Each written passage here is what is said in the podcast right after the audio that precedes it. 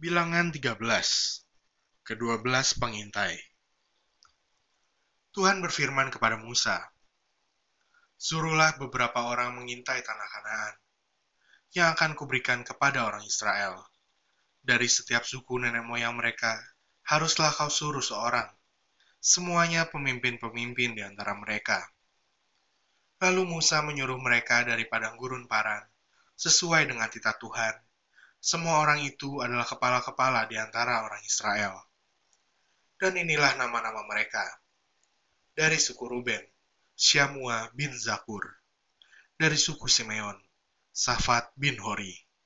Dari suku Yehuda, Kaleb bin Yefune. Dari suku Isakar, Igal bin Yusuf. Dari suku Efraim, Hosea bin Nun.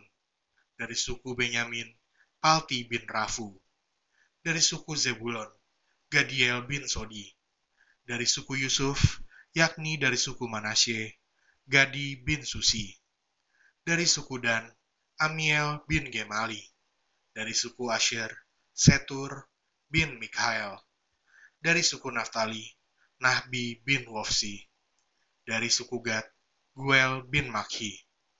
Itulah nama orang-orang yang disuruh Musa untuk mengintai negeri itu dan Musa menamai Hosea bin Nun itu Yosua. Maka Musa menyuruh mereka untuk mengintai tanah Kanaan. Katanya kepada mereka, Pergilah dari sini ke tanah Negeb, dan naiklah ke pegunungan, dan amat-amatilah bagaimana keadaan negeri itu. Apakah bangsa yang mendiaminya kuat atau lemah? Apakah mereka sedikit atau banyak? Dan bagaimana negeri yang didiaminya? Apakah baik atau buruk? Bagaimana kota-kota yang didiaminya?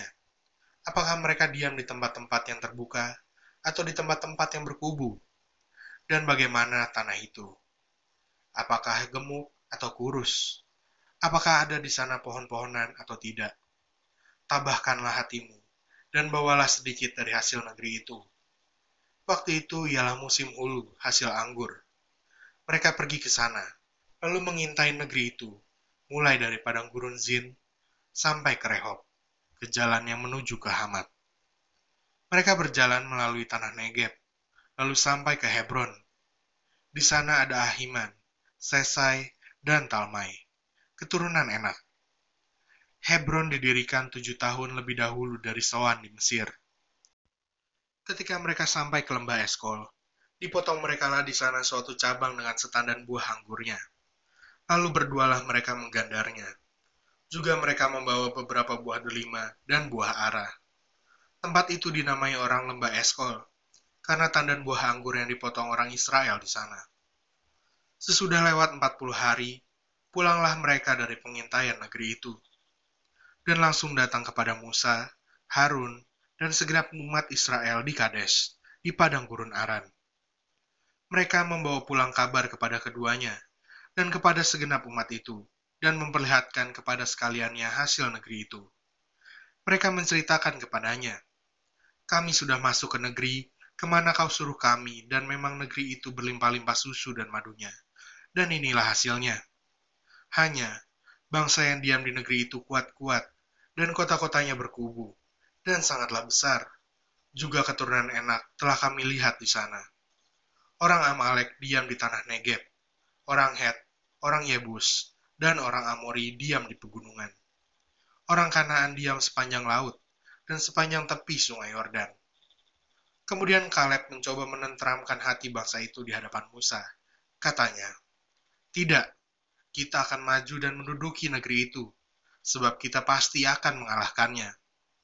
Tetapi orang-orang yang pergi ke sana bersama-sama dengan dia berkata, Kita tidak dapat maju menyerang bangsa itu, karena mereka lebih kuat daripada kita juga mereka menyampaikan kepada orang Israel kabar busuk tentang negeri yang diintai mereka, dengan berkata, Negeri yang telah kami lalui untuk diintai adalah suatu negeri yang memakan penduduknya, dan semua orang yang kami lihat di sana adalah orang-orang yang tinggi-tinggi perawakannya.